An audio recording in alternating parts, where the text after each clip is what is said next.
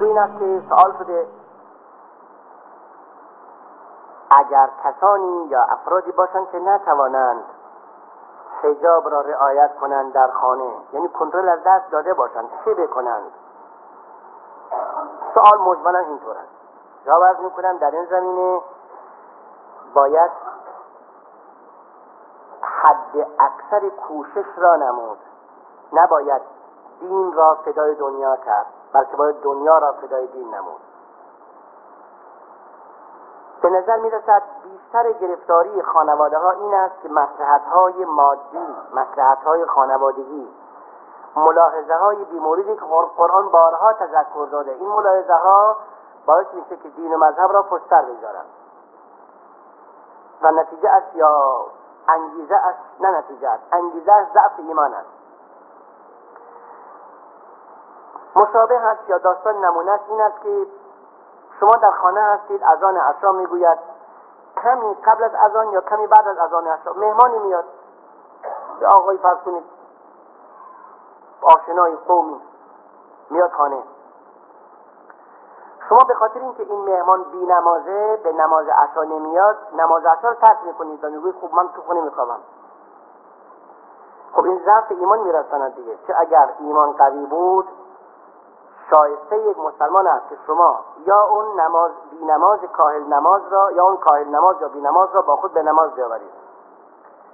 یا به نماز روید تا او تنها بنشیند خجالت بکشد.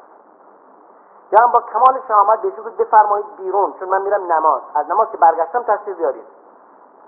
با یکی از این سه عمل عزت اسلام خود نشان بدهید. ثابت کنید که دین شما عزیزه. تو به دینت افتخار می‌کنی. نه اینکه مذهب را زیر پا بگذاری مذهب را زیر خاک بکنی پنهان کنی به خاطر اینکه یک سیبیل گنده اومده تو خود نشسته. اینطور میشه دیگه. مذهب را فدای یک شخصیت خرافاتی شخصیت کاملا مادی و بیارزش. احیانا اون دوستی که تو برایش نماز جماعت را ترک می‌کنی پسیز قیمت نداره. اگر تو به دارو نیاز داشته باشی حاضر نیست پول دارو بده. احیانا اونطور است.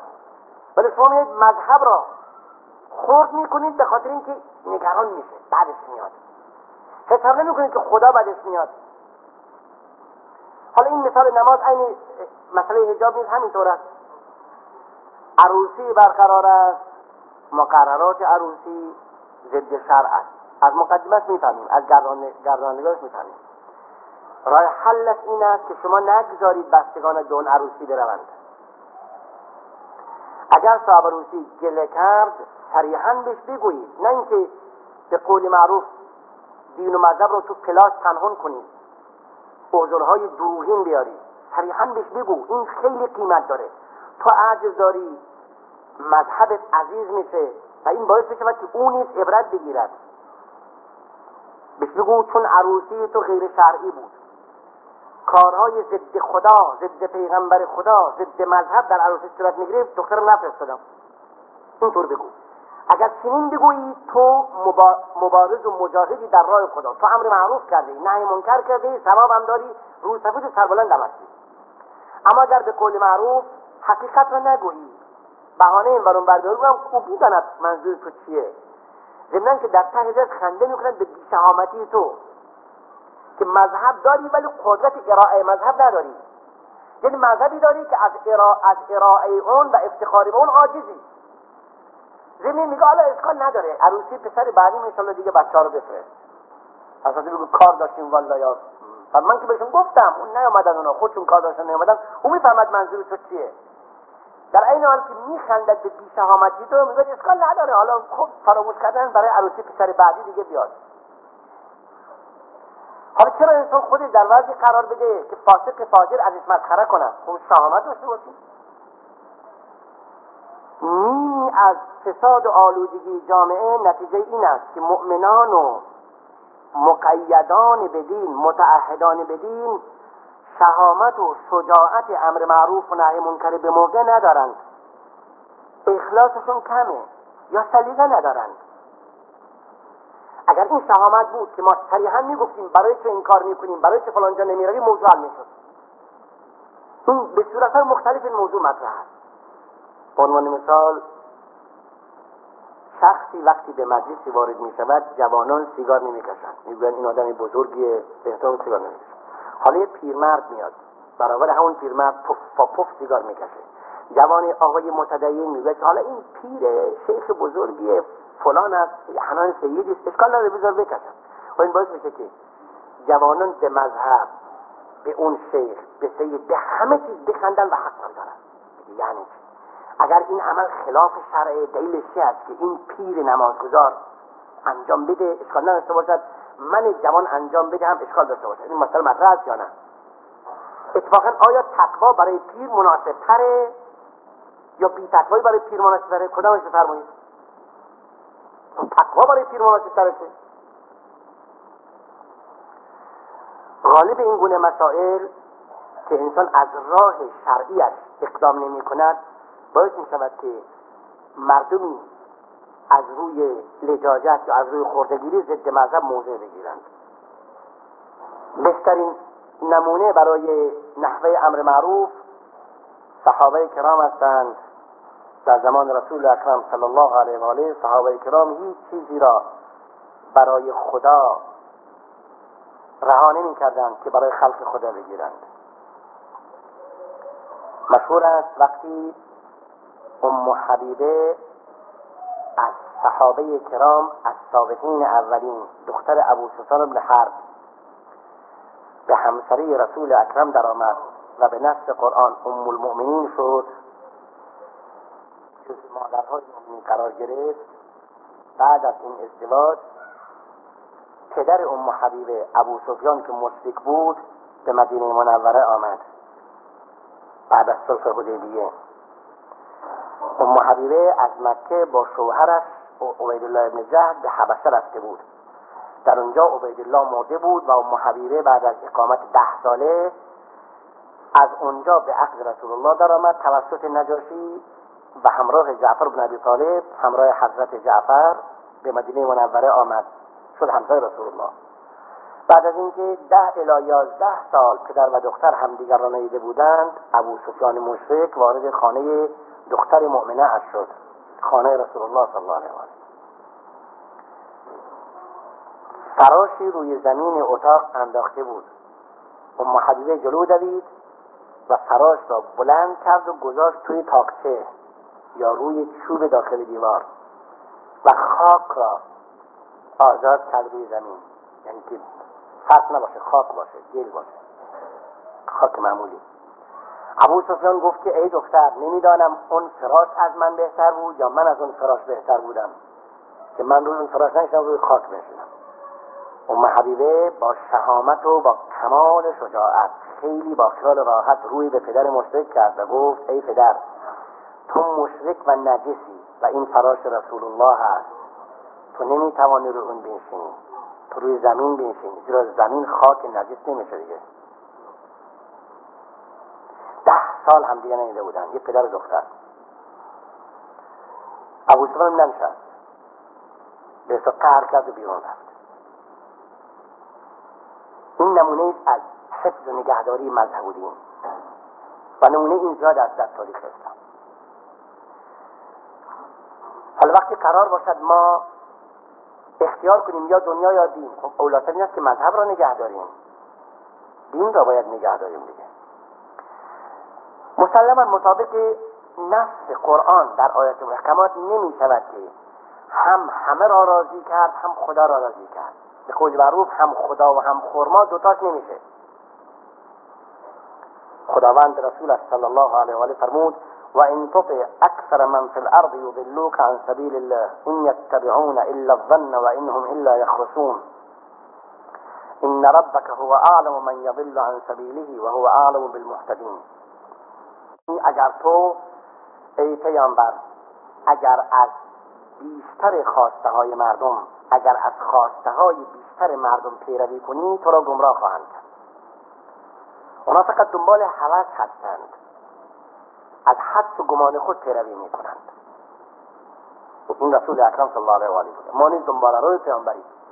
اگر قرار باشد همگان را راضی کنیم هیچ وقت نمی‌توانیم همگان راضی کنیم. خدا هم بر ما خشمگین می شود ولی باید خدا را راضی کرد.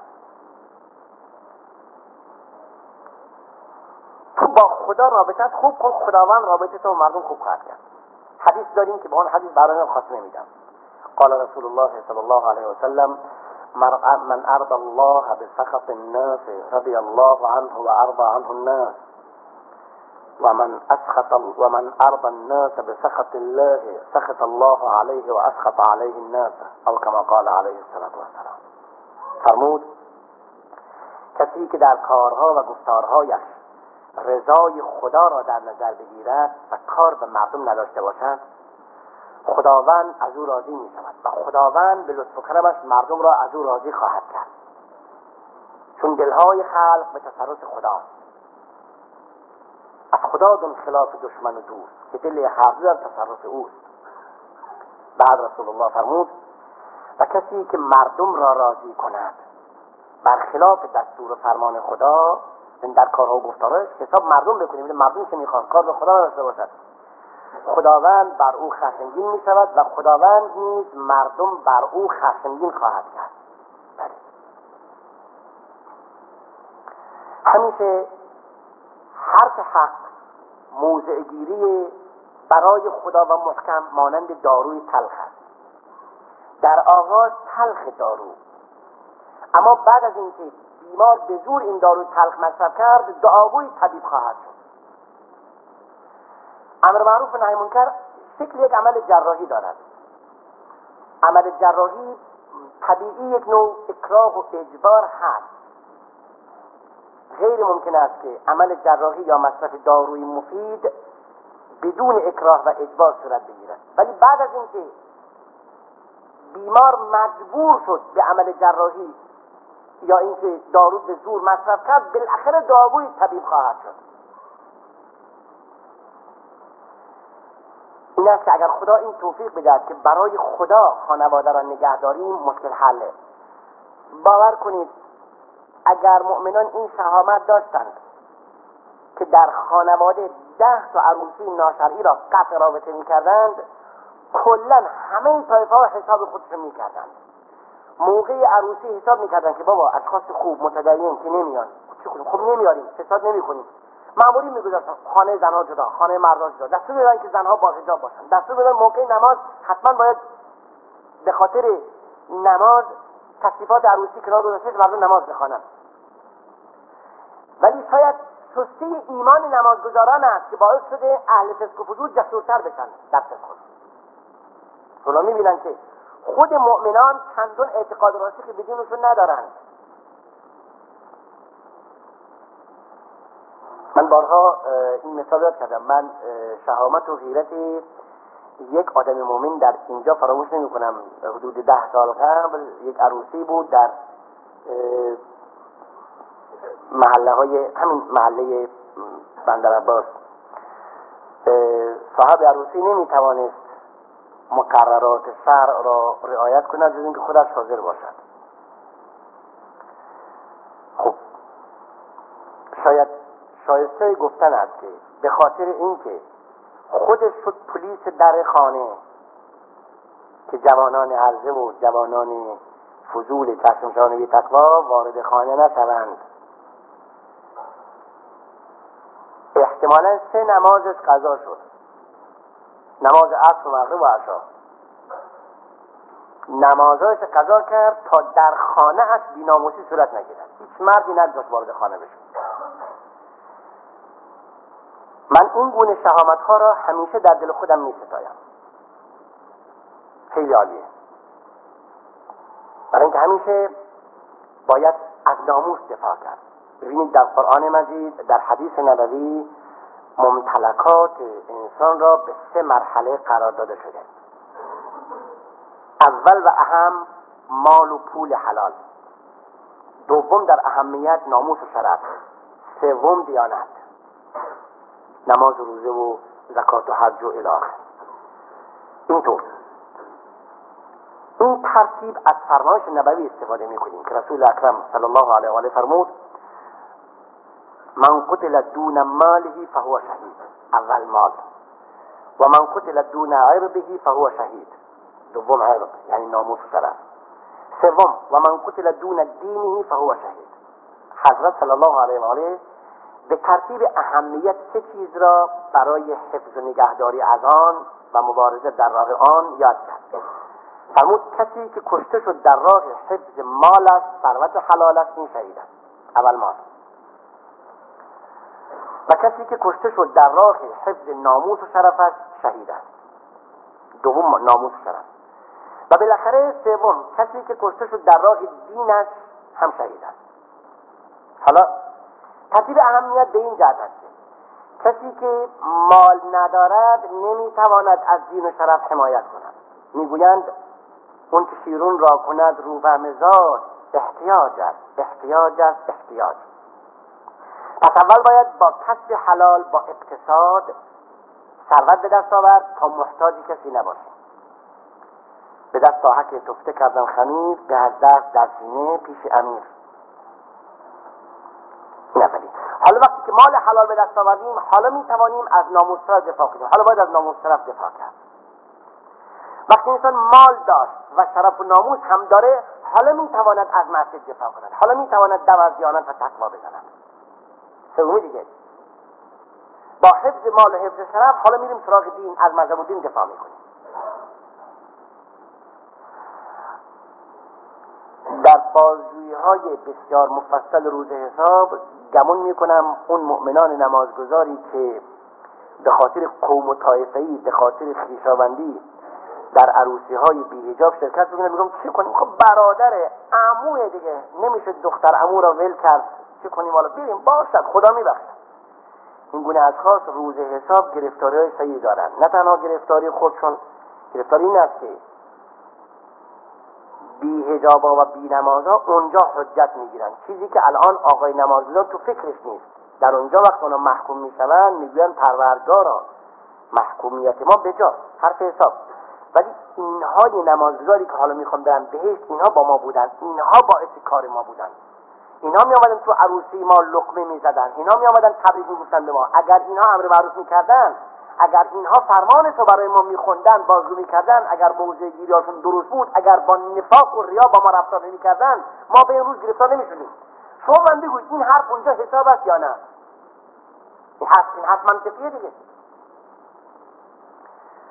اهل فسق و فجور در اونجا حجت میارن میگن پروردگارا فسق و فجور ما علت اینا بودن. همینا که حالا می‌خوان تقاضای بهشت همینا اینا نماز میخوندن ولی زنانشون میفرستن تو عروسی. ما برفتن برامون. کجا مسئله است؟ این خیلی مسائل مهمیه که باید جدا رو حساب کرد.